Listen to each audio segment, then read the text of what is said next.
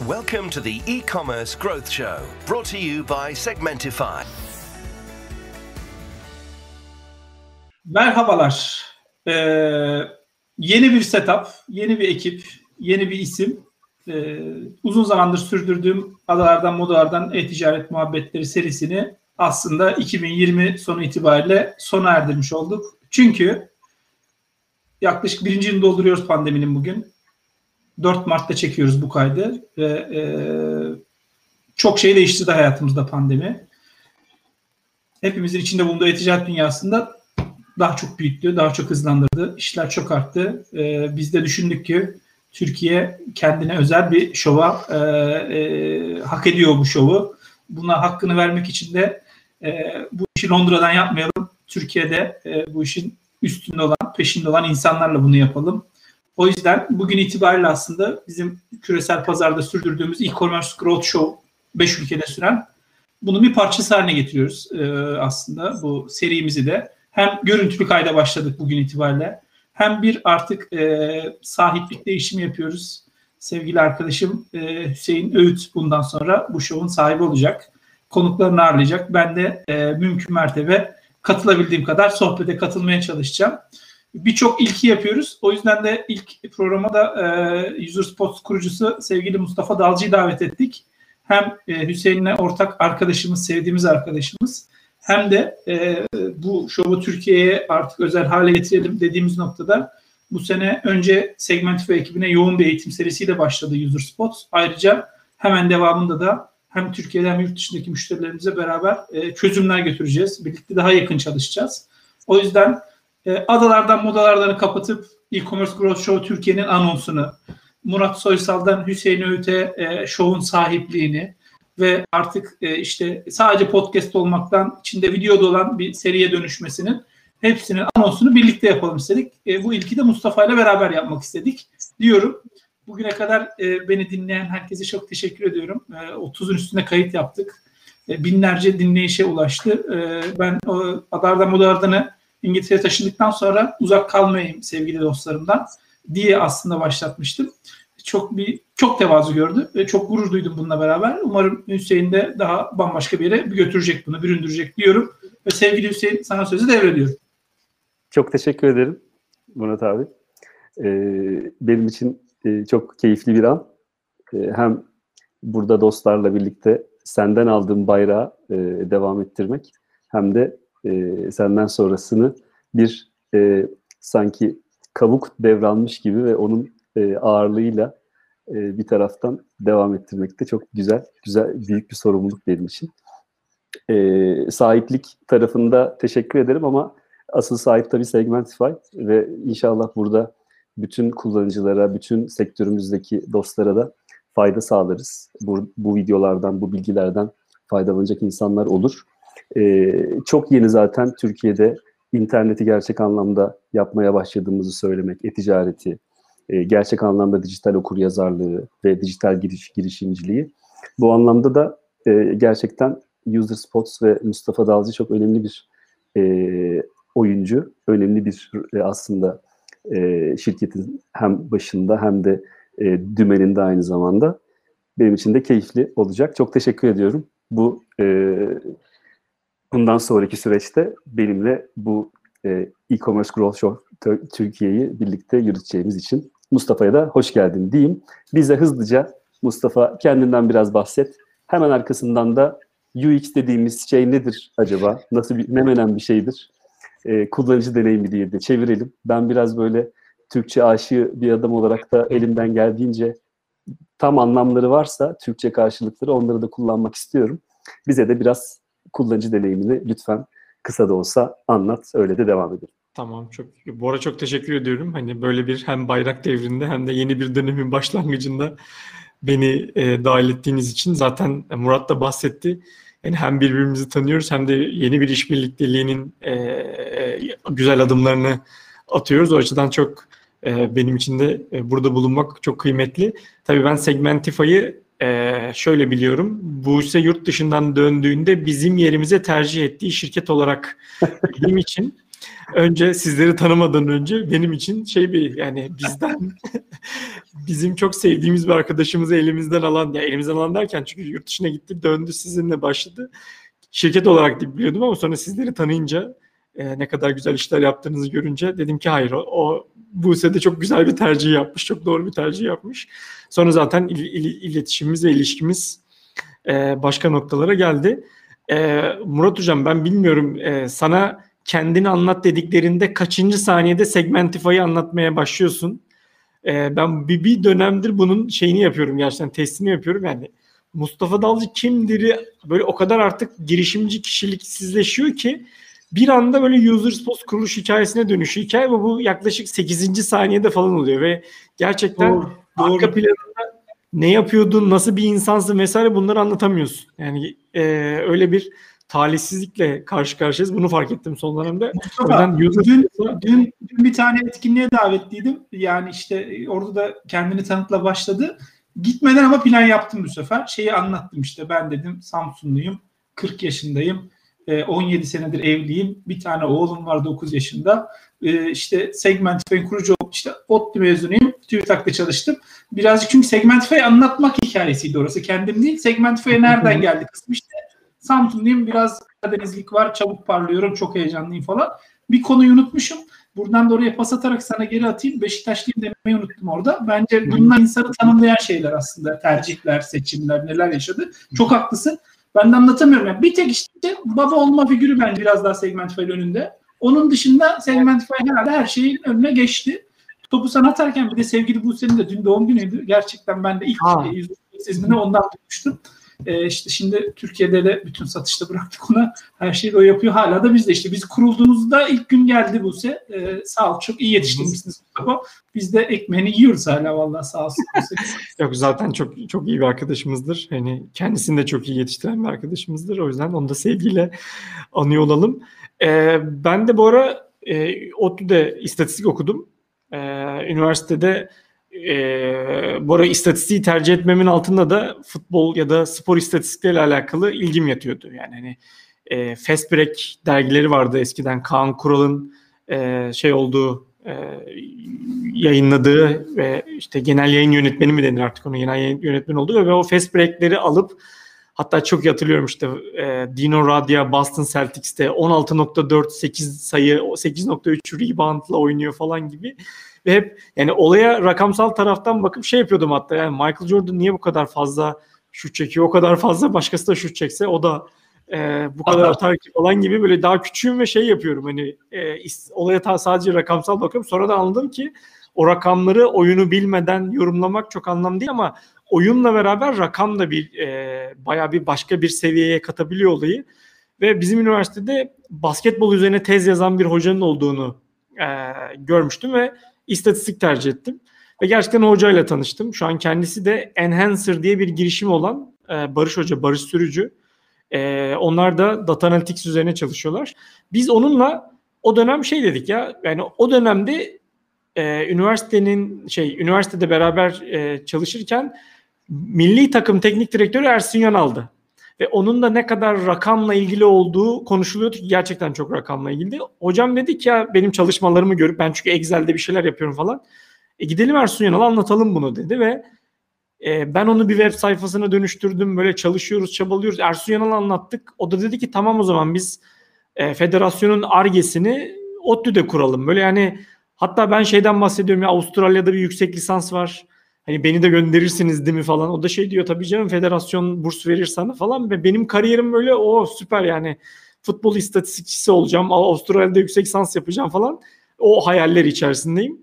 Ee, tabii ki bir Ukrayna maçında Shevchenko'yu döndürmeyin adını verdiğimiz bir gece yaşandı. Belki hatırlarsınız. Servet- Servet Çetin Evet. Evet, Servet Çetin e, ki böyle 5. dakikada falan ne, ne goller kaçırdık sonra da 3 gol yedik falan. Ersun Yanal'ın sonra da bir şeyler yaptırabilirliği azaldı ve sonra da milli takımdan ayrılmıştı. Ben oradaki web sayfası yapma e, tecrübemle üniversitede araştırma görevlisi oldum. Aslında üniversitenin bilgi işlem ekibinde. E, Bora sen TÜBİTAK'ta nerede çalışıyordun? TÜBİTAK'ta çünkü ilginç bir şey. Ben de TÜBİTAK'ta Ardep'te e, Bora Ardep'te çalışıyordum ama bildiğin ofis boy olarak çalışıyordum onu, onu söyleyeyim. Ben TÜBİTAK'ta çalışıyorum deyince çünkü algı bir anda bambaşka Neredeydi? ben Ulakbim'deydim. Bu ha, Ulakbim'deydim. olan bu Ulaknet ama yani işte kaç yılları bunlar Mustafa bizim yaşlar çıkacak ortaya ama ben Evet yani, yani 2005'te işte 3. 3. sınıftayken şeyde çalışıyordum. Tamam yani, yani ben ben şeyde de çalıştım yani. ODTÜ bilgi işlemde de çalıştım. Ee, 98-2000 arası ODTÜ bilgi işlemde çalıştım. Sonra 2000'de üniversite 1'de herhalde bir, bir bitiyordu. O zaman Ulaklı'da çalışmaya başladım ama yani zaten bilgi sürekli git gel yapıyorduk işte. Muhtemelen aynı ekipler. Ben birazcık da senden yaşlıyım. Bakmayın bu kadar evet. benim kafamda saç kalmadı Mustafa hala siyah saçlı ama şu kadar da yaşlı değilim Mustafa'dan yani azıcık. Tabii değil mi? Bir, birkaç yaş değilim hani. Birkaç yaş. Ee, Abi şey bana benzemesin önümüzdeki iki sene yani. Burası, burası iyi değil çabuk gelme böyle. böyle Valla işte İstanbul etkisi midir senin saçlarda bu şey hani Ankara'da evet, daha abi. rahat. Bak İstanbul, Segmentify, girişimcilik, baba olmak hepsi bir arada. Yaşadım ya güzel. Dünkü kayıt yayınlanınca e, eski Hobium'un e, kurucusu sahibi Kemal Karabel vardı. O da çok iyi bir arkadaşımdır. E, abi yeni şey çok stil çok yakışmış dedi çok stilik bir şey yapmadım aslında. Siyah beyaz güzel renkler bunlar. E, saça sakala karışınca da hoş duruyor insanın üstünde. E, bizi bile bir şeye benzetti birazcık. Benim de hoşuma gidiyor yani. Estağfurullah abi. Çok güzel yorum bu arada. Evet bence de. Ee, ben de şey yapıyorum acaba be, kendimi beyazlatsam acaba falan diye. o çünkü bir söz dinlenme noktasında şey katıyor gerçekten de hani e, belli bir yerden sonra sakal konuşabiliyor yani. Bir ee, şarkı, ben, bir şarkı evet, sözü var. Bu genç yaşta saçları boşuna artmadım diye. ee, sonra yaparız müzik oturumlarını.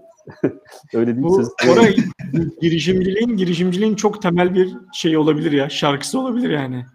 Yani tam saçlarım armadı ama e, gelin bana sorun şeklinde. ama tabii, tabii, tabii girişimciliğin böyle bir yol olduğunu bilmiyordum. Üniversitede çalışıyordum araştırma görevlisi olarak ve bence yani insanoğlunun yapabileceği en iyi işlerden birisi. Yani araştırma görevliliği e, ve üniversitede çalışmak. E, biz üniversitede web sayfasını yapan e, ekipteydik ve e, açıkçası hani üniversitedeki öğrenciler o dönemde web sayfalarından çok memnun değillerdi. Hatta ders ekleme çıkarma sistemleriyle alakalı öğrencileri artık ne kadar motive ettiysek gelip siyah çelenk bırakmışlardı bilgi işleme. Yani hani düşünün öğrencileri önce toplandılar. Bir yere gidip siyah çelenk hazırladılar. Geldiler ve siyah çelenk bıraktılar. Şimdi bu hareketlerle e, belki Murat Hocam Kürşat'ı tanıyorsundur. Kürşat Çağıltay'ı, Kürşat Hoca'yı. Kürşat Çağıltay BÖTE bölümünde e, çok güzel işler yapan bir akademisyen hocamız. O da e, insan bilgisayar etkileşim laboratuvarı kurmuş yani bizim iki yanımıza ve orada arayüzler test ediliyor böyle. İşte arayüzler test ediliyor. Böyle bir göz izleme cihazı var. Kullanıcının göz hareketlerini falan takip ediyor. İşte buradan UsersPost'un kuruluş hikayesine bağlıyorum otomatikman ne yazık ki girişimci olarak. ee, şey yaptık. Hani biz bir kütüphane web sayfasını kullanıcılarla test edelim dedik. Birinci kullanıcı bizim tasarımımızda çuvalladı. Tasarımcıyla beraber şey dedik. Ya nereden buldular bunu? Hani yani nasıl bu kadar basit şeyi göremedi falan diye. İkinci kullanıcı çuvalladı ben UsersPost'u kurmaya karar verdim. Dedim ki yapamamışız. Yani aslında yapamamışız değil. Biz yaparken o kadar kendisine aşinayız ki o kütüphane sayfasının. Her yerini biliyoruz yani. Çünkü e, atıyorum tabloda o dönemde divlerle değil daha çok tablolarla da şey yapıyorduk hani kodluyorduk frontend'de. Yani ben onları böyle table, tr adım adım zaten kodlarken tasarımcı da her pikseline bakarken her şeyini biliyorsun ve oraya bebek saflığıyla biri oturunca senin aslında aldığın belli tasarım kararlarının son derece yanlış olduğunu görüyorsun ve bu aslında işin çok da içinde olan bir şeymiş. Hani hiçbir tasarım ilk versiyonuyla, ilk yapısıyla harika tasarım olarak çıkmıyor. Aslında bir evrilme e, yaşaması gerekiyor. Ben burada gerçekten şey dedim ya evet bu bu user spot ki sonradan yani kullanıcının göz hareketleri üzerine şirket user spot ismini aldı. E, kullanılabilirlik testleri yapan bir şirket olmalıyız dedim. O dönemde bu ara ki Hüseyin senin soruna da geleceğim. O dönemde de e, şu an UXPA olan Kullanıcı Deneyimi Profesyonelleri Derneği var. E, dernek deneyim, birlik diyeyim. E, dünyada sadece Amerika'da ve Türkiye'de birden fazla. O da ilginç bir bir araya gelemememiz öyküsüdür yani Türk insanının. yani Amerika'da var çünkü eyaletler var. Yani adam Boston'la işte e, şey San Francisco arasında aynı eyalet farklı eyaletlerdeki insanlar bir araya gelemiyorlar. O yüzden bir de Türkiye'deki insanlar bir araya gelemiyorlar. Çünkü biz bir araya gelemiyoruz. Doğru. Türkiye'de şu an 3 tane UXPA İstanbul, Türkiye bir de Ankara diye 3 tane chapter var. Ama UXPA'in önceki ismi UPA'ydi. Yani Usability Professionals Association'dı. Kullanılabilirlik üzerine daha çok kullanıcı deneyimi e, profesyonelleri çalışıyordu ve olay aslında bir arayüzle e, insan etkileşiminin ne kadar kolay olduğu üzerineydi. Ama sonrasında şu oldu yani kolaylık sadece bir parametre değil. Yani e, kolaylık senin ürünle olan ilişkinde satın alma kararındaki evet önemli parametrelerden biri. Bunun uzun vadeli bir ilişkiye dönmesini sağlayan parametrelerden biri ama e, bir yandan işin estetik tarafı var, bir yandan işin değer önerisi var, bir yandan işin arayüzde değil ama serviste ve süreçlerde kolaylığı var ve bunların tamamı bir çatı ve bunların tamamı aslında tamamının sonunda yaşadıkların senin o markaya, markanın arayüzüne vesaire etkini ve düşüncelerini çok değiştiriyor gerçekten. Hatta Türkiye'den de bir örnek vereyim. E, şimdi isim verebiliyor muyuz diye sorsam. e, mesela ki, Türkiye'de e-ticarette, e-ticarette Trendyol etkisi diye bir şey var şu an. Yani mesela bir başka bir e-ticaret sitesiyle çalışıyoruz ve e, arayüzü karşılaştırmasını istiyoruz. Şimdi hani burada tamamen doğru yani birebir yaşadığımız bir olaydan bahsedeyim. Ya diyor ki bize arayüze bakıp e, ya da şu anki yani test ettiğimiz başka e-ticaret sitesinin arayüzüne bakıp ya bu trend yoldaki kadar kolay değil. Trend yolda bak çok sade ne kadar güzel yapmışlar diyor. Ben şimdi aynı ekranın trend yol versiyonuna bakıyorum. Ya bu ikisini karşılaştırınca sade olan trend yol olamaz. Yani 100 kişiye sorsak hangisi daha sade, hangisi daha iyi? Ya iyi demeyeyim, iyi çünkü göreceli.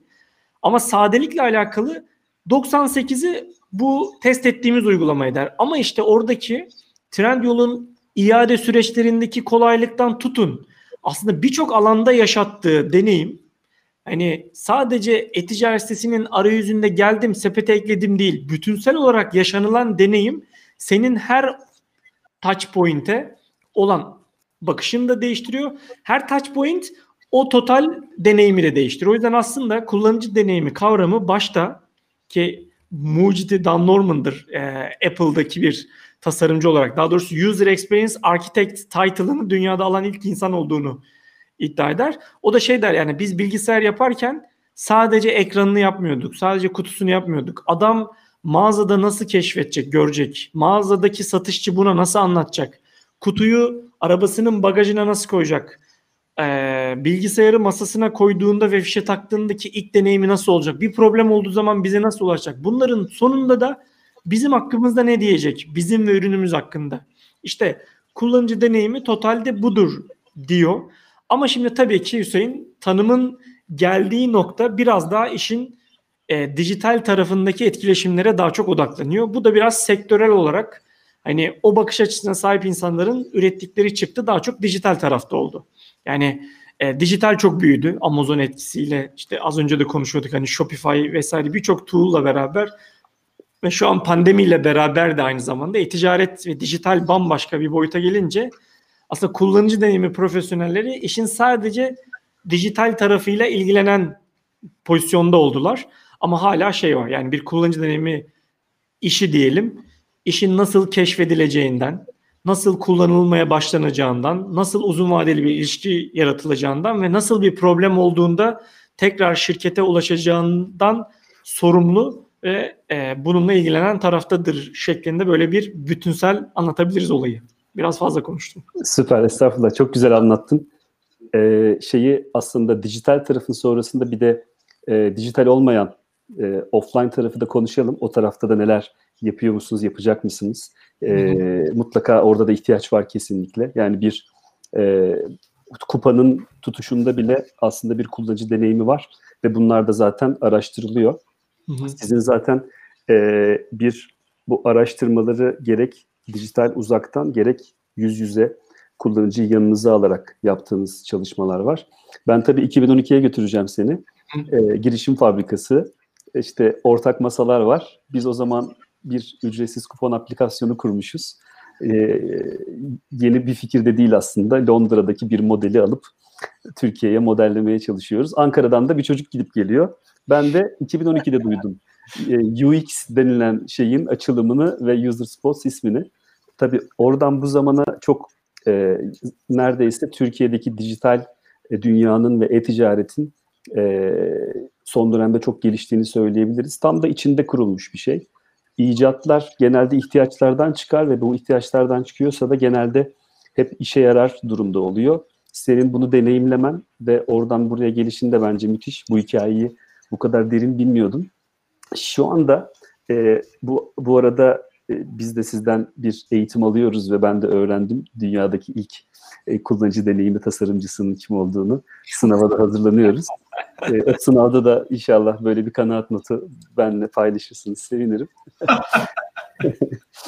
e, ama e, bu dijital tarafta şu anda neler yapıyorsunuz? Yani bizi e-ticaret tarafında sadece e-ticaret gibi de düşünmeyelim aslında. Yani her türlü listeleme sayfası, her türlü içerik sayfası ve dijital dünyada var olan aslında ve oradan bir gelir e, sağlasın sağlamasın. İlle bir gelir olmasına da gerek yok.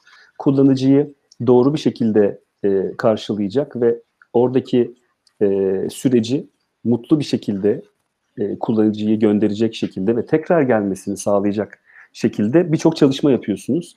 Hem bu işin bilimsel tarafını hem de e, işin deneyimsel tarafını birebir insanlarla yaptığınız çalışmaları biraz anlatırsam e, seviniriz. Çok iyi olur. Aslında şeyden de bahsedebiliriz hani ekip, e, şirketteki ekiplerle beraber o ekiplerin yaptıklarını anlatarak da e, devam edebilirim. Yani birebir eski işimiz üzerinden yani user spots'un aslında başlarken hani o kullanılabilirlik testi yapıyorduk ya sadece aslında başladığımızda hani o İstanbul'a 6 toplantı 7 toplantı alıp bir günde gelip artık dönerken bazen otobüste bazen uçakta perişan olmuş halde bütün toplantılarını e, yapmaya çalışan kişiyken aslında biz sadece kullanılabilir testi yapıyorduk ve bir rapor yazıyorduk. Böyle hala yapıyoruz. Ve bunu genişlettiğimiz bir araştırma ekibimiz var. Şirketteki 6 tane ekibimiz var. Bir tane de aslında eğitimlerden sorumlu growth ekibimiz var.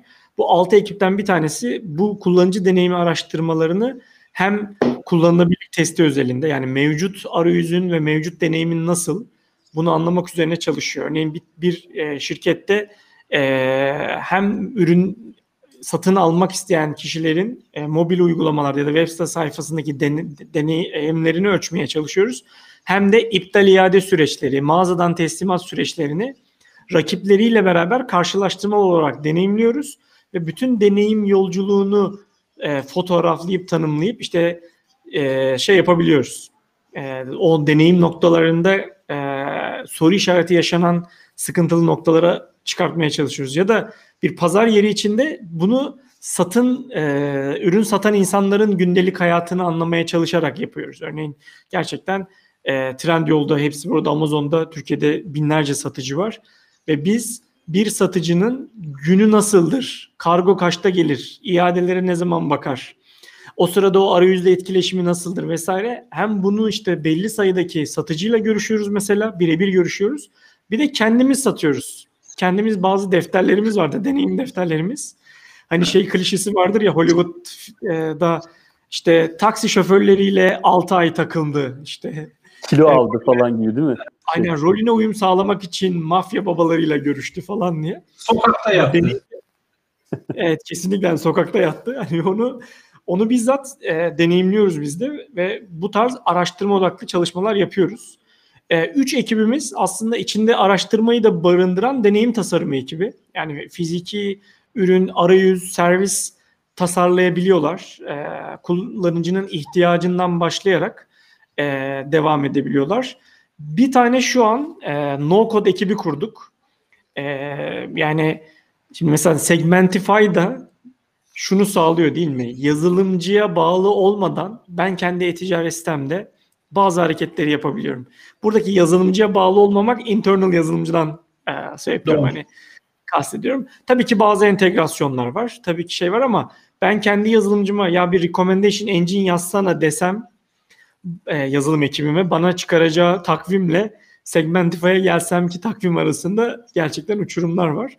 Ee, biz burada yazılımcıları öldürelim diye bakmadık aslında. Ee, ya da işte front-end developerları öldürelim, onlara ölüm noktasında değildik ama e, özellikle bir tasarım sürecinde hadi yani kendi web sayfamızdan da örnek verirsek hadi tasarıma başlıyoruz dediğimiz anla tasarladık, front-end'e gitti, back-end'e gitti, e, canlıyı aldık arasında ben ne yaptığımızı unutuyordum yani. Bir de bu bizimle de şöyle alakalı. Şimdi o frontendçinin servis işi var. Backendçinin servis işi var. E, tasarımcının servis işi var. E, yani başka müşteriye de hizmet veriyor. O yüzden onların boşluğunu yakalayacaksın. Sürekli şey yapacaksın. Yani gerçekten bir geliştirme 3 ay 4 ay falan sürüyordu. Ben dedim ki abi frontend ve backendciden en azından bu süreçler için e, kurtulmamız lazım. Yani kurtulmamız lazım derken yine tekrar ofansif bir yorum yapmak istemiyorum asla. Yani mesela single page application'ı asla no code'la yapamayabiliriz. Yapamazsın. Orada çok canavar frontendçilere ihtiyacım var. Çok iyi backendcilere ihtiyacım var. O iki yapı yani yapıların konuşması için. Ama içerik yönetim sistemi içinde artık defalarca kez hani bunun frontend'i, bunun backend'i, bunun şeyine ihtiyaç yok dedik ve orada Webflow'la beraber bir no code CMS ekibi kurduk. Şimdilik sadece Webflow hizmeti veriyoruz. Türkiye'de de 5-6 müşterimizi ikna ettik. Gelin bu no code işine siz de girin diye. Ve şey gibi oldu gerçekten yani satış ekibimiz şöyle diyor. Abi bu böyle uyuşturucu gibi yani. yani bir tane satıyoruz.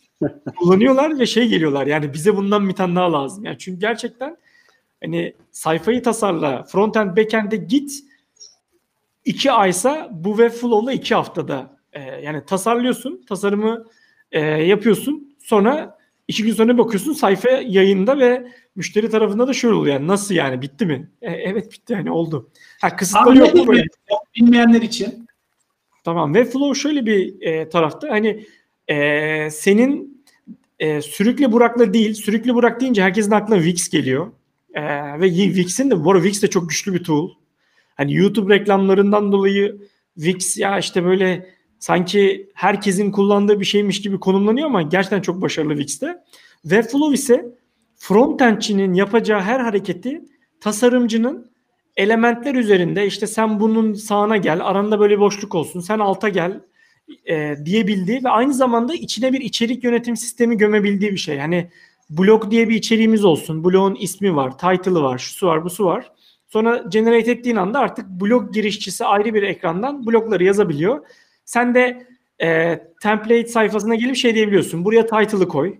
Buraya açıklama gelsin. Buraya görsel gelsin. İşte görseli onların sağına koy. Araya piksel boşluk bırak. Ve sonra da diyorsun ki bunun mobili de böyle gözüksün. Ve publish dediğin zaman sayfa hayata geçiyor. Yani böyle bir kod yazmadan e, güçlü içerik yönetim sistemi siteleri yapabileceğin bir e, e, arayüz, bir sistem. Yeni de yatırım aldılar. 1.7 milyar dolarlık bir e, değerlemeleri oldu. Bu arada dördüncü kez yapıyorlar abi ürünü. İlk üçünde yapamamışlar. Mesela süper bir girişimcilik hikayesi yani. Hani Vazgeçme diyorsun. olmamış. Efendim? Girişimciler vazgeçmesin diyorsun. Tabii abi şey yani hani gerçekten adam inanmış buna ki çok haklı bir inanç bu. Yani ben de şimdi mesela sizin yaptığınız işin altında gerçekten science var abi. Yani oradaki insanların davranışları var, benzer davranışları sergileme var vesaire. Yazılımcı bunu yapsın. Yazılımcıya gelip de 7000. kez login sistemi yaz abi işte şifremi unuttum deyince yani yapmasın onu artık adam yani. Yapmasın. O kolaboratif- ona pahalı mavi yakalılık diyorum. Kızıyor bana yazılımcılar ama biz pahalı mavi yaka gibi kullanıyoruz yazılımcıyı. Tam oradayım yani. Bizim Bu kadar yüzde seksenini yatırım yapıp eğittiği insanlar akıllı işler yapsınlar bizim için. Katma değerli işler yapsınlar. Çok net ben de oradayım abi. Yani kurul işlemleri yapıyorlar. Yani gerçekten işte veri çektik, listeledik vesaire. Bunu bu ara küçümsemiyorum aslında ama şunu diyorum. Yani Retool diye bir girişim var şimdi. Farklı data kaynaklarından birleştiriyor, dashboard çıkarıyor. Yani bu varken sen oradaki data kaynağından çok daha hızlı nasıl veri gelebilir? Biz bunları nasıl işte farklı veri tabanı yapılarında tutabiliriz? Onun üzerinden ben datadan nasıl analiz çıkarabilirim? Mesela burası aslında yazılımcının daha değer katacağı yer. Doğru. Ee, ben 7000. login sistemini yazdırmayalım artık yazılımcılara tarafındayım. Ve Webflow bunu yapıyor. Ee, işte o no code ekibimiz. Ve e, bir tane de IUX adında müşterilerimiz bize bazen şöyle gelmeye başladılar. Şöyle geldiler. Dediler ki ben bu alanda yeni bir şey yapmak istiyorum. Ne olduğunu da bilmiyorum. Yani atıyorum mesela sigorta şirketi diyor ki ben wellness'ın artık wellness işinin sağlıklı yaşamanın özellikle Z kuşağında çok önemli bir istek olduğunu farkındayım. Bu alana ne yapsam bilmiyorum. Bu alana yatırım yapmak istiyorum. Biz de orada e, inovasyon prototipleme adını verdiğimiz bir iş yapıyoruz. Yani araştırıyoruz, ihtiyaçları çıkıyoruz. Sonra diyoruz ki ya sen marketplace yapabilirsin. Artıları eksileri işte bir challenge uygulaması yapabilirsin ya da bir meditasyon uygulaması yapabilirsin ya da bir de şunu yapabilirsin gibi farklı e, içinde yenilik barındıran şeyler yapıyoruz. İşler yapıyoruz. Böyle biraz ekipleri tanıtırken yaptığımız işleri de anlatayım istedim. Çok iyi yaptın. İlk fatura kestiğiniz zamanı hatırlıyorsundur mutlaka. Ee, bence isim verebiliriz burada da. Verelim mi oraya? Verelim. Şöyle vereyim. Ee, sen sor abi, sen devam et. Evet, ya e, hem o e, durum, e, o, o, o an yaşadıklarınıza sormak istiyorum. Çünkü her girişimcinin o hayali şirket kurulması ve insanlara gitmesi, sen çünkü hem ürünün başında, e, product'ın başı olarak, hem satışın başı olarak, e, hem pazarlamanın belki başı olarak e, sürekli masadaydın. Hı hı. E, çok zor toplantılar geçtiğini de e, biliyorum. E, çok uzun zamandır tanıştığımız için. Hem o ilk kime fatura kestiniz, nasıl oldu o süreç? Hala o e, oradan beslendiğin ve öğrendiğin neler var? Onları da duymak isteriz. Şu anda da e, Türkiye'de kimlerle çalışıyorsunuz? Hı hı. Yurt dışında neler yapıyorsunuz? Onu da e, hem bizi izleyenler için faydalı olacaktır ve şunu da söylemek lazım. Az önce de altını çizdim ama e, sektör bağımsız dijitalde özellikle bir şey yapıyorsanız e, siteyi açtık bile deseniz ya da biz çok araştırdık yaptık bile deseniz bir kullanıcı deneyimi gözlemine kesinlikle ihtiyaç var. E, orada da mutlaka sizle e, bir şeyler yapabileceklerini bilmelerini e, istiyorum açıkçası tüm izleyenlerin. Teşekkürler. Bizde şöyle oldu. Yani benim etrafımdaki insanlar haricinde bana ilk güvenen ve inanan insan Burak Büyükdemir oldu. Etoğum Ankara toplantısı vardı. Ee, bir ara hatırlarsınız. Kafede, kafede toplanıyordunuz değil mi? kafe toplantısı bir ara şey vardı yani Webrazzi etkinliği şeyle başlardı. Nokta grubunun Türkiye'de yaptıklarını anlatmasıyla başlardı. Tümay Bey. E, kendisini de çok severim yani gerçekten çok iyi bir e, o da girişimcidir. Ki hala o dönemdeki beraber e, çalıştığı, e, beraber kurduğu kişilerle yakın zamanda yine görüştük belli işler yapabiliriz diye. Burak Büyükdemir dedi ki tamam gel sen seni Etoğum 15'e alacağız. Yani ilk güvenen kişi ve benim ilk müşterilerimi bulmam konusunda bana destek olan kişi odur. Bu arada Burak Büyükdemir Türkiye'deki girişim ekosistemi içinde buna benzer hareketleri çok şey yapmıştır. Yani yapmıştır. Sadece insanlar onun böyle bir Etoğum'un bir vakıf gibi olduğunu düşündüklerinden dolayı ki kendileri de çok böyle öyle konumlanmamışlardı. Yani Etoğum da bir hani sonuçta gelir modeli olan bir yerdi. Ee, böyle belli bir dönem şey olmuştu. Yani Etoğum'un bizden hisse almamışlardı. Ama bizden sonraki dönemlerden hisse almışlardı ki yani bir hızlandırıcılık anlamında da gerçekten çok iyi hareketler yapıyorlardı. O yüzden bana ilk güvenen ve gerçekten beni ee, birkaç kişiyle buluşturan ki buluşturduğu kişilerden biri de Nevzat Aydın'dı. E, Etoğum ama şöyle bir şey oldu ya biz ilk parayı Nevzat Bey'den aldık. E, ama onu almadan önce ilk parayı bize vereceğini iddia eden kişi Evrim Ersoy Gösaç'ta çalışıyordu. Bonus.com.tr için bizi denemek istemişti. Şimdi ortağım kendisi. Üçüncü ortak olarak şirkete dahil oldu. Yönetici ortak olarak. Yani bize ilk parayı vereceğini iddia eden kişi tabii ki hukuki anlamda işte bankadır, şudur budur vesaire o yüzden yavaş parayı alamış, al, almış. O yüzden ilk fatura değil, üçüncü faturamız. Ha, iddia ama edip verdi ama değil mi sonra? Efendim? İddia edip sonra verdi, geçti. Verdi olsun. verdi tabii, aynen. İddia edecek, iddia eden kişi oydu, veren kişi Nevzat Aydın'dı. Bir telefon görüşmesi yaptık ve bu arada şeyi söyleyeyim yani rakamı da söylemek istiyorum. Böyle 2000 dolarlık bir anlaşmamız vardı. O da zaten ancak cihazın kirasına gidiyordu. Ben o ilk faturayı alabilmek için direkt o rakamı söylemiştim. Hani cihazın kirasının rakamını söylemiştim. 15 dakika telefonda konuştuk ve işte buna ne kadar büyük yatırım yaptığını, bunu ne kadar önemli olduğunu vesaire bu verdiği rakamın ne kadar önemli olduğunu anlattı bana Nevzat Bey ve ben o zaman dedim ki tamam biz yemek sepetinin çalıştığı third partilerle mutlaka çalışalım. Bir ara mesela aynı PR ajansıyla çalışıyoruz. Çünkü gerçekten böyle taşı sıkıp suyunu e, alan bir şey vardı. Yani o ya gerçek bir girişimci yani sokağa atacak 5 lirası olmayan gerçek bir girişimci de o telefonda konuştuğum 20 dakikayı asla unutmam ve ilk işimizde çok mutlu ayrılmıştık ve bizim için yemek sepetinin yeri ayrı. Yani hala çalışıyoruz ve hala şeyiz yani siz isteyin. Yani çünkü o iki şeyi yani faturayı doğrudan astığımız için yani 0001 yemek sepetidir. Sonra Mynet gelmişti. Sonra üçüncü faturayı e, GÖSAŞ ödedi. İlk iki fatura doğrudan Burak Hoca'nın şeyiyle oldu. E, yönlendirmesiyle. Üçüncü faturada yine Etohum etkinliğinin e, şeyle olmuştu.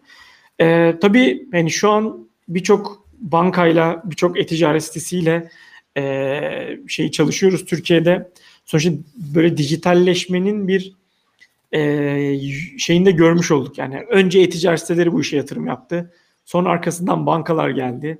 Sonra sigorta şirketleri dijitalleşmelerinin gerektiğini fark ettiler. Şimdi tekrar e, neredeyse herkes e-ticarette ne yapabiliriz noktasında bazı e, e-ticaret varlığı olmayan müşterilerimizi şu an e-ticaretle tanıştırıyoruz. Ya da mevcut süreçlerinde işte süper app yapma, e, onları süper app'leştirme ya da onların e, işte bana bir gibi getir gibi hızlı ürün gönderebilecekleri sistemleri yapma noktasında yani hala aynı grupla çalışmaya devam ediyoruz ama grupların biraz daha bir dijitalleşenler var. İşte banka sigorta devam edenler. Bir de daha önceden dijitalleşmesine rağmen bu pandemiyle beraber yeni dönemin ihtiyaçlarını e, şey yapanlar var, kovalayanlar var. Onlarla çalışıyoruz. Berlin'de bir ofisimiz var ve bu Webflow işini tüm dünyayı aslında e, satmaya çalışıyoruz. E,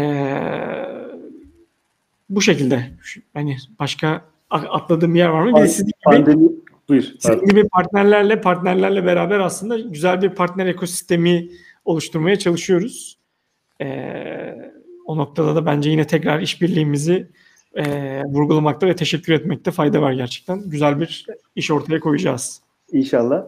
E, bu arada bu videoyu izleyenlere de mutlaka bir faydamız olsun. E, özellikle bizim müşterimiz ya da ortak e, çalıştığımız firmalar olsun olmasın.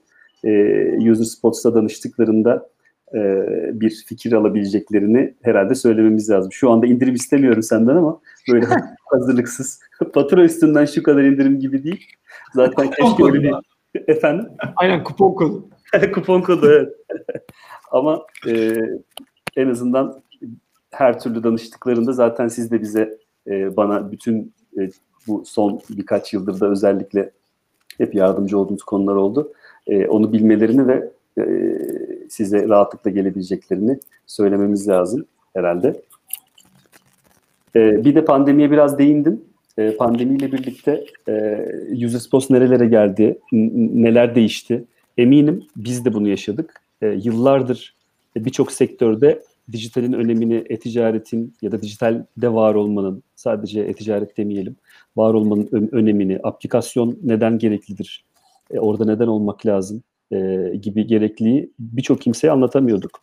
Hı hı. Bu insanların birçoğu e, ikinci jenerasyon patronlardı. Yavaş yavaş artık üçüncü jenerasyonlar gelmeye başladı ve e, uzun zamandır girmeyen birçok markayı da aslında dijitalde görmeye başladık. Eminim sizde de bu tarz talepler ve ihtiyaçlar artmıştır. Bu özellikle son bir yılı hızlıca bir değerlendirirsen sevinirim.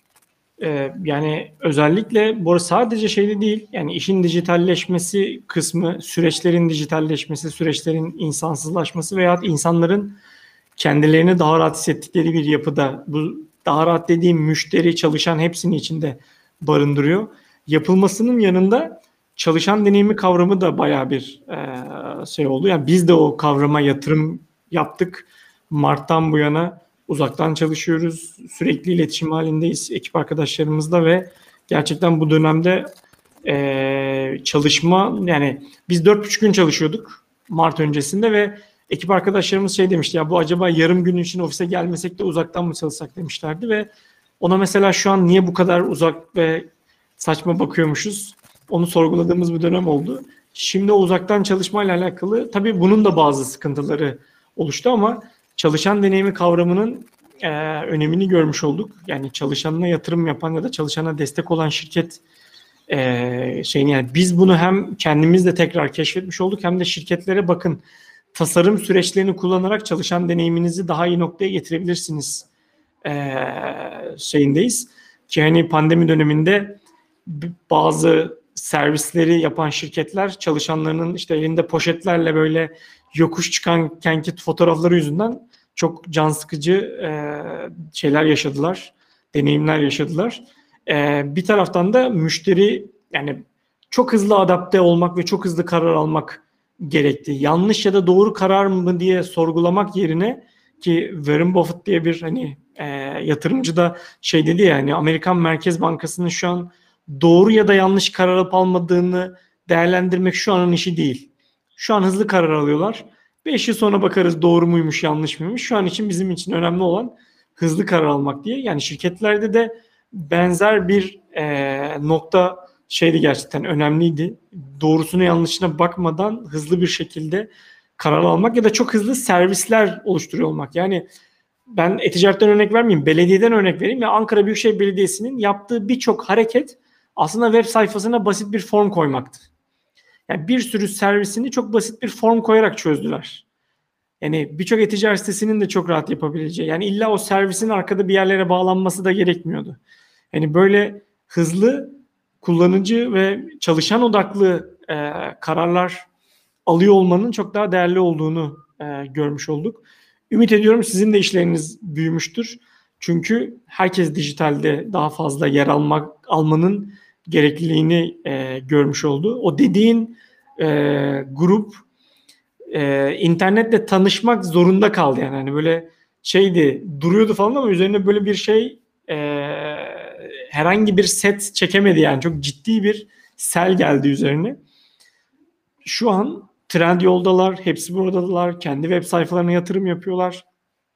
Ee, fiziksel mağazalarının eksikliklerini kapatmak için uğraşıyorlar ve bence baya bir e, yani birkaç milyon insanın hayatını kaybettiği bir dönemin artılarına bakmak ve onlardan çok bahsetmek istemiyorum ama dijital sektörde ciddi bir şey oldu yani böyle bir bankalarda bile şeydi alternatif kanal diye falan e, şey yapılıyordu dijital. Yani onun hiç alternatif bir kanal gibi e, olmaması gerektiği ve deneyimde ne kadar kritik bir noktada olduğu ortaya çıktı bence. Süper. Teşekkür ederiz. Güzel bir yorumdu. Ee, Murat Soysal.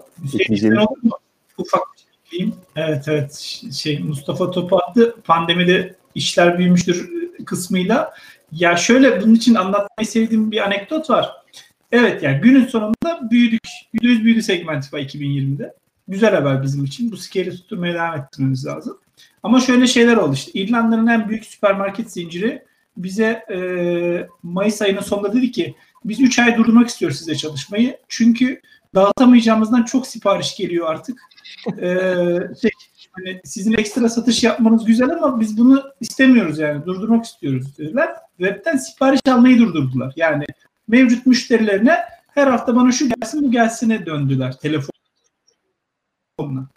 E, İngiltere'de e, spor malzemeleri satan çok büyük bir işte chain var, zincir var. O müşterimiz dediler ki biz her şeyi sattık. Yani e, burada bütün e, şeyler, e, cimler kapandığı için fitness merkezleri vesaireler ve tabii ki yani Türkiye'de var ama biliyorsunuz Avrupa'da daha insanlar tutkullar bu işi vesaire. E, insanlar çıldırdı biz cime gidemiyoruz işte haftada 7 gün gidiyorlar falan parklara bahçeleri çıkartıyorlar şimdi e, aletleri orada yapıyorlar. Bitti dediler yani stoklar bitti alamıyoruz üretim vesaire de yok hani duralım çalışmayı.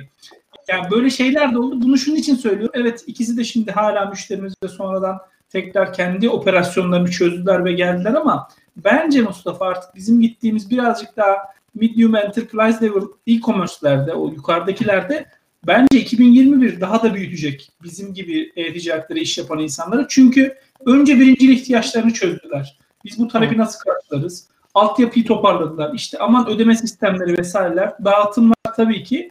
Bence şimdi artık o kayan kısmı, bir kısmı geri dönmeyecek offline'a. Yani bir kısmı kalacak burada ve bizim gibi şirketler bence 2021'de, 2022'de daha da önemli hale gelecekler diye atayım ben topu. Küçük bir soru soracağım. Birkaç kez Mustafa Trendyol dedi biz ilk geldiğimizde Trendyol'u almadan önce e, Ali Baba e, bu kadar büyümeden önce Trendyol herkes hepsi buradaya bakıyordu. Hepsi burada nasıl gösteriliyorsa ürün öyle gösteriliyordu. Bu işte biraz bizim e, annelerimizin babalarımızın zamanından biz de yetiştikleri işte Selpak aslında bir markayken işte ürünün adı olması, e, Omo işte deterjanın adının olması, işte Mintax e, gibi e, biraz oraya geliyor ama çok değişiyor. Yani o hepsi buradaydı Selpak. Şimdi Trendyol oldu biraz. Ben de çok duyuyorum bu aralar. Trendyol yani yanlış bile olsa teorik açıdan e, Trendyol nasıl yapıyorsa o doğruymuş gibi oldu artık. Evet. Müşteri deneyimleri de sanki değil mi Mustafa? Ya müşterinin algılamasında ki yani doğru yanlış olmuyor müşterinin algılamasında. Müşteri orada kendini daha rahat hissediyor ama tekrar söylüyorum arayüzün kendisi değil sadece. Onun o ekosistemin içerisinde iade ederken de daha rahat. İşte iadesinden para alırken de daha rahat. Kesinlikle yani o uçturucu deneyimde daha rahat hissediyor ama şey tarafında diğer e-ticaret siteleri tarafında evet, trend yol gibi yapılıma dönüştü olay. Hepsi Roda gibi yapılımdan. Ve ben şey söylüyorum yani eğer o uçtan uca deneyimi yapmıyorsan aynı arayüzü yapsan yani aynı Trendyol arayüzünü yapsan Trendyol'un almadığı eleştirileri alırsın. Çünkü o tekrar söylüyorum o reklamın yarattığı sadece reklam e, reklamla olacak bir şey değil bu. Hani nasıl keşfedildiğinden bir problem olduğunda nasıl onun çözüleceğine olan bütün yolculuktaki yaptıkları adımdan bahsediyorum Trendyol. Bu arada biz e, yani belli çalışmalarda varız ama birçok çalışmaları kendileri yapıyorlar. Hani biz biz çalışıyoruz ve öyleler gibi bir yorum yapmıyorum asla.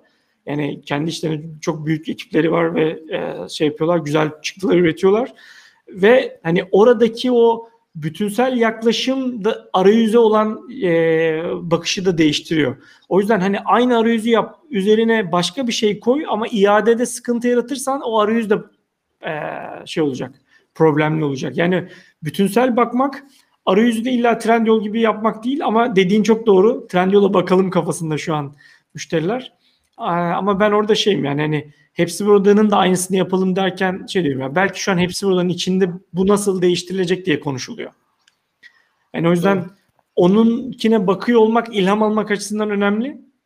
Ee, ama denemeler yapmaktan da çok şey yapmamalar. Bir de hani gerçekten e, artık belli tool'larla beraber belli denemeleri yapmak da çok kolaylaştı. Yani mesela sizden sizin gibi araçlardan önce düşünsene hani recommendation'lar işte slider'ları değiştiriyorlar falan.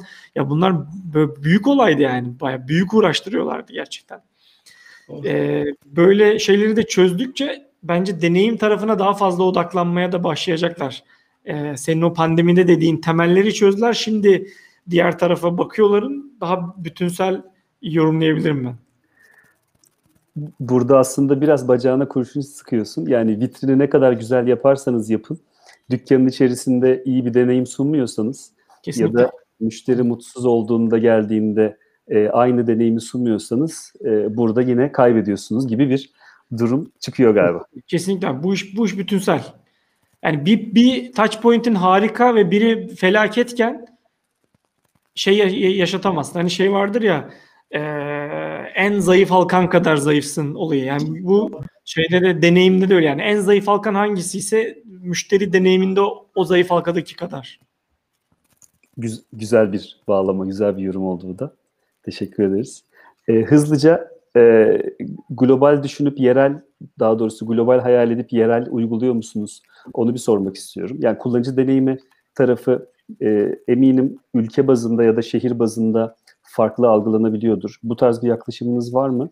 Buna ek olarak da e, hem sektör yani her her türlü sektörde müşterileriniz var e, ama işte çok market isim vermeyeyim ama e, burada tasarım ve kullanılabilirlik tarafına geleceğim aslında.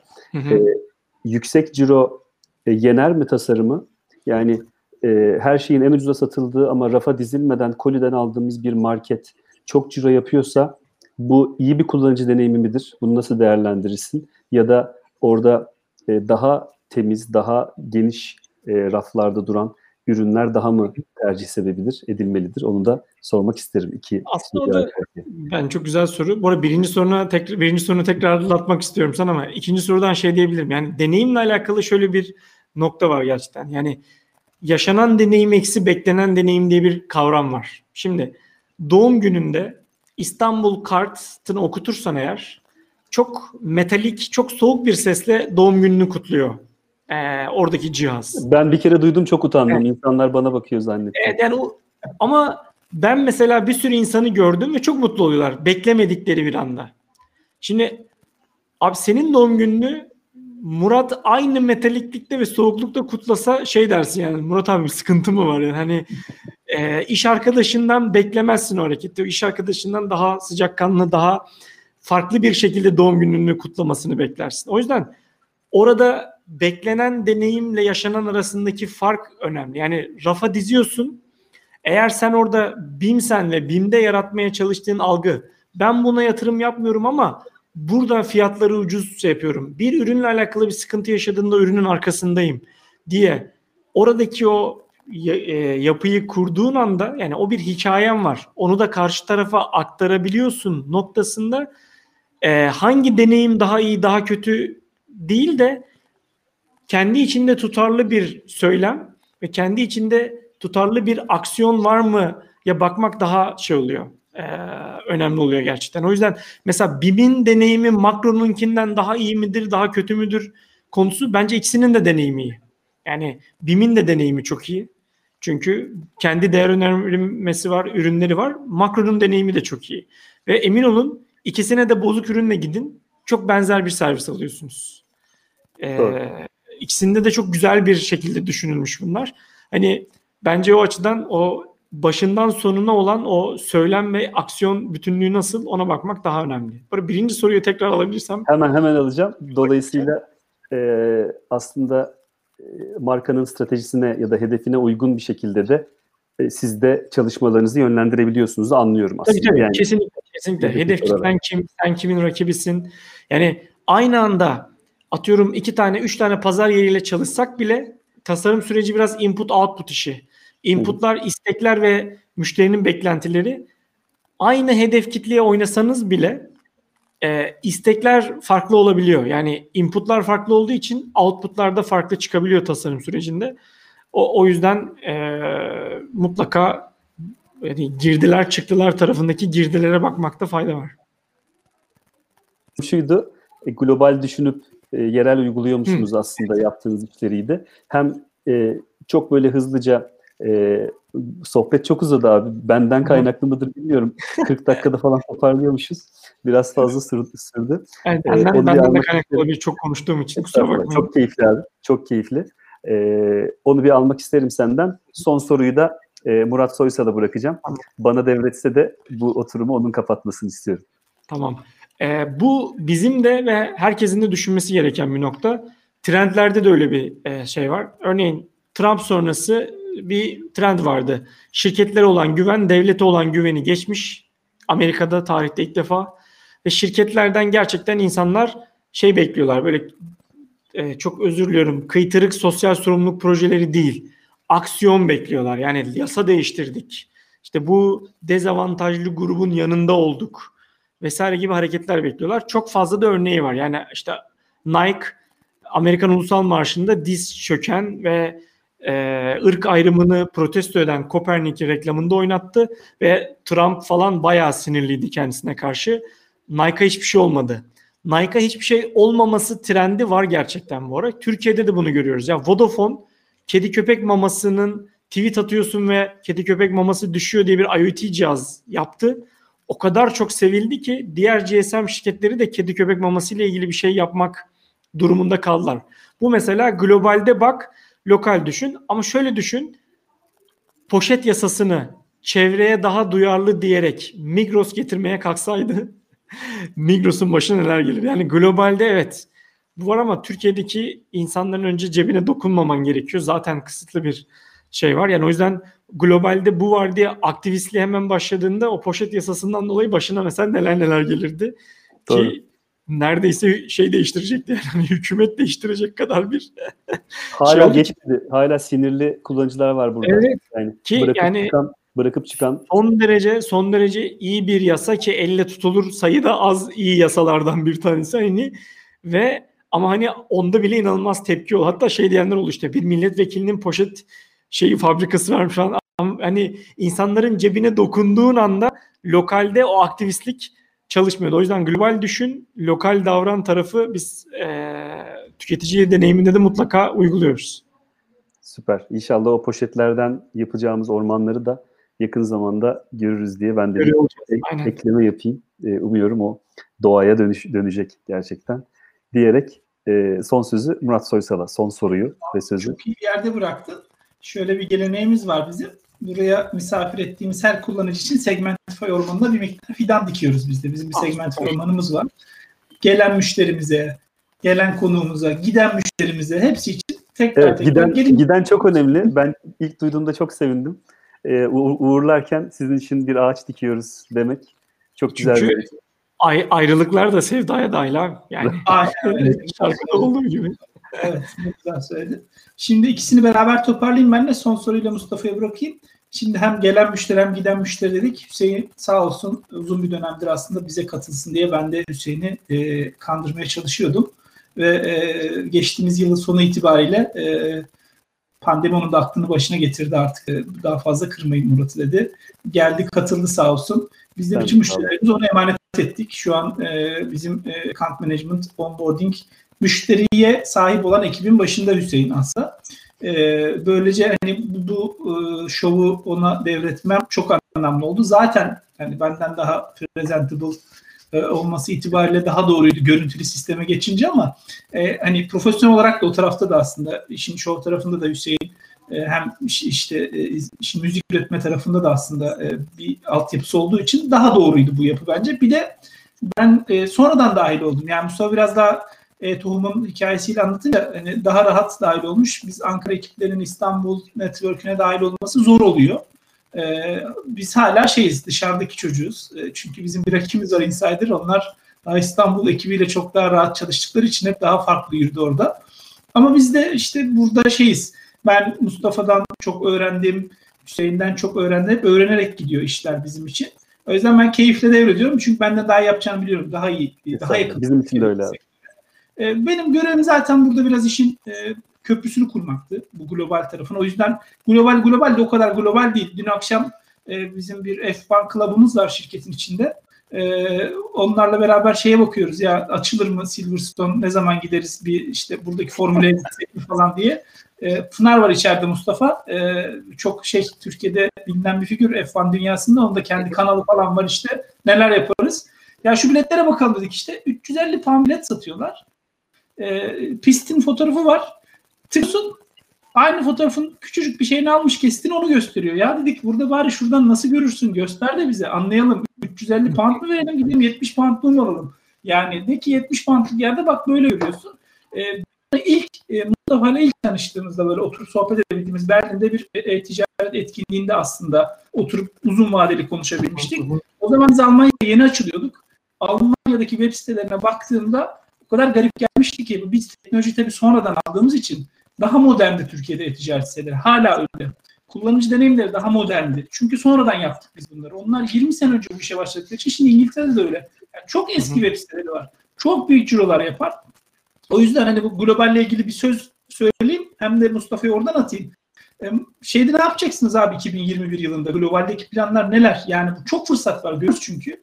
Bizim birçok Türkiye'de yaşadığımız deneyim buradakilerden daha iyi. Tabii Türkiye'de çok yapılacak iş var ama e, buralarda da fırsat da çok. Nedir sizin taraftaki planlarla ben bırakayım sohbeti. Hem Hüseyin artık e, resmen atmış oldum artık bayrağı. E, hayırlı uğurlu olsun.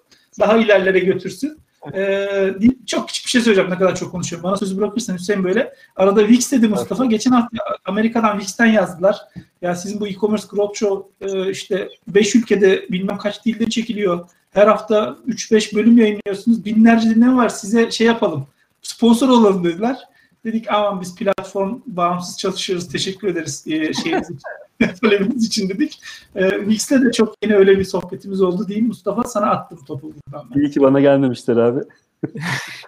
ya bu arada Wix, Wix bence şey ya e, bu no code platformlarının e, akıllı ama e, biraz çelimsiz olduğu için çok dövülen çocuğu gerçekten hani ya Wix mi falan diye bakılıyor ama Wix'te şu an LMS LMS yapamıyorsun ama bu videoları çekip Wix'e koyup şey diyebiliyorsun EasyJoy ile bağlayıp para ödeyenler bu videoyu görebilir diye biliyorsun. İşte blog yapabiliyorsun. Gerçekten bir sürü e, yapıları var ve çok global düşünüyorlar onlar da. Ya biz şu an zaten hali hazırda Kuveyt'te, Dubai'de devam eden projelerimiz var. Ee, yani Dubai'de Algani ailesiyle çalışıyoruz. Ee, Dubai'de işte Mastercard'la vesaire e, ortak yaptığımız yani şeyler var, işler var. Avrupa'ya da yüzümüzü döndük ama çok fazla e, bounce ediyoruz. Yani bunu denesek, ya şimdi şöyle de bir durum var. Mesela İngiltere'de de bunu yaşıyor şirketler. Hani ajansların ciddi rekabetleri var. E, ve ilginç bir şekilde biz Türkler olarak özellikle mesela bankacılıkta, dijitalde inanılmaz iyi olduğumuzu anlatamıyoruz. Yani e, baktığında da şöyle ya, ya bunu biraz yani ırkçılık noktasına getirmek istemiyorum ama ya bize mesela Pakistan'dan bir şirket geliyor.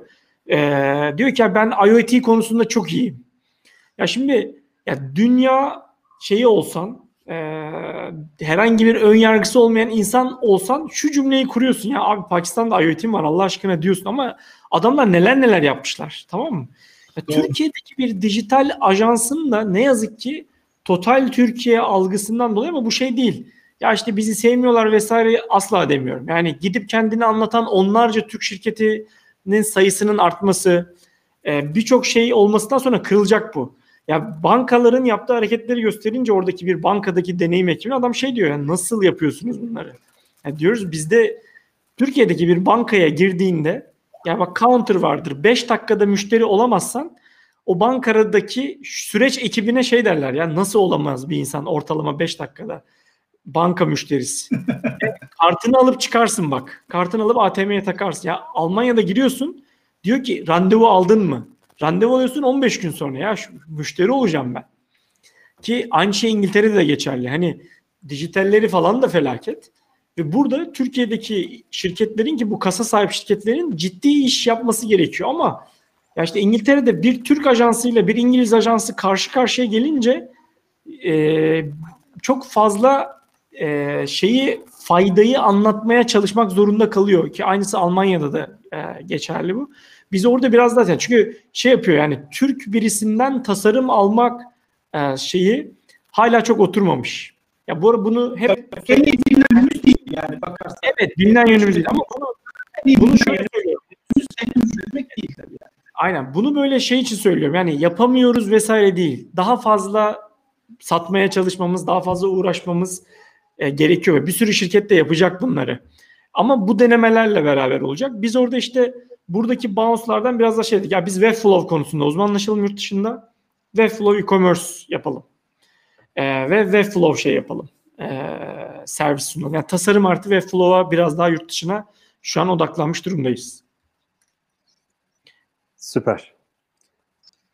E, sohbet çok güzel Mustafa. E, inşallah e, kısa zamanda buluşur. Karşılıklı e, çay kahve sohbeti yaparız.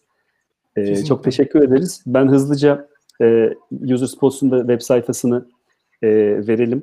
E, kullanıcılarımız nasıl ulaşacaklar. Bir de sadece danışmanlık değil ama eğitim tarafında da var olduğumuzu ve hem çalışanlara e, hem de bu işe ilgi duyan gerek öğrencilere gerek e, bilim adamlarına ya da bu tarafta çalışma yapan herkese e, eğitim tarafında da olduğunuzu söylememiz lazım.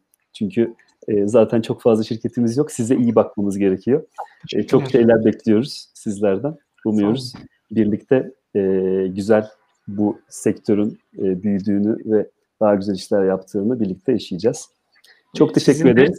Son cümlenle acquired, acquired by X 700 milyon dolar, 1 milyar dolar haberlerinizi İnşallah. Yani şey, bu böyle sanki yegane başarı buymuş gibi demek istemiyorum ama yani Segmentify'ı gördüğümüz, e, görmek istediğimiz yerler orası açıkçası. Yani, İnşallah. Ve bunu bunu çok de. hani çok koşup gidiyorsunuz hani şu an oraya doğru emin adımlarla. Çok teşekkür ederiz. İnşallah hep birlikte bu güzel haberleri birlikte e, duyarız, yaşarız. Biz de gurur duyuyoruz. Gerek rakiplerimiz gerek başka hmm. sektörlerde e, bu tarz girişimcilerin bütün haberlerinden çok mutlu oluyoruz e, deyip sonra bu oturumu sonlandırabiliriz zannediyorum.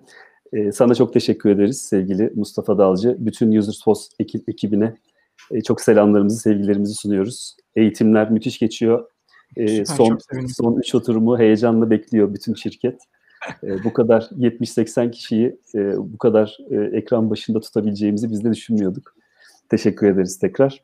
Murat Soysal'a da e, bu devri için teşekkür ediyorum. İnşallah yüzünü kara çıkarmayacağım. Ama beni işe doğum günümden sonra aldı. Dolayısıyla henüz doğum günümü kutlamadı. Bu sene Ekim'de inşallah doğum günümü kutlayacağı zaman sana da Aynen. bir pas atarım nasıl kutladığıyla ilgili. Tamam. Beklenen deneyim yüksek yalnız. O yüzden Evet abi çok ederim. Ben de şimdi Ben exit atayım hem de şeyde, kutlamasında o yüzden elimden geleni yapacağım. Mustafa çok teşekkür ederim. Ee, gerçekten Teşekkür ederim. senin olduğun bir aslında bölümle bu yeni başlangıcı yapmak bizim için önemli aslında. Böyle e, nesneyi önemselleştirmek de bence kıymetli oluyor stratejiyi belirlemek adına. E, herkese verdiğimiz mesaj açısından. O yüzden gerçekten çok teşekkürler burada olduğun için. E, başarılar diliyorum Hüseyin. E, benden çok daha iyi yapacağım konusunda hiç şüphem yok. E, arada ben de böyle sizleri özlediğimde sürpriz konuk olarak katılır. E, bir iki kelamda ben ederim. Çok teşekkürler sevgili dinleyenlere de. E, başarılar diliyorum şova da artık. Teşekkürler ben Teşekkür de. Görüşmek üzere. Görüşürüz.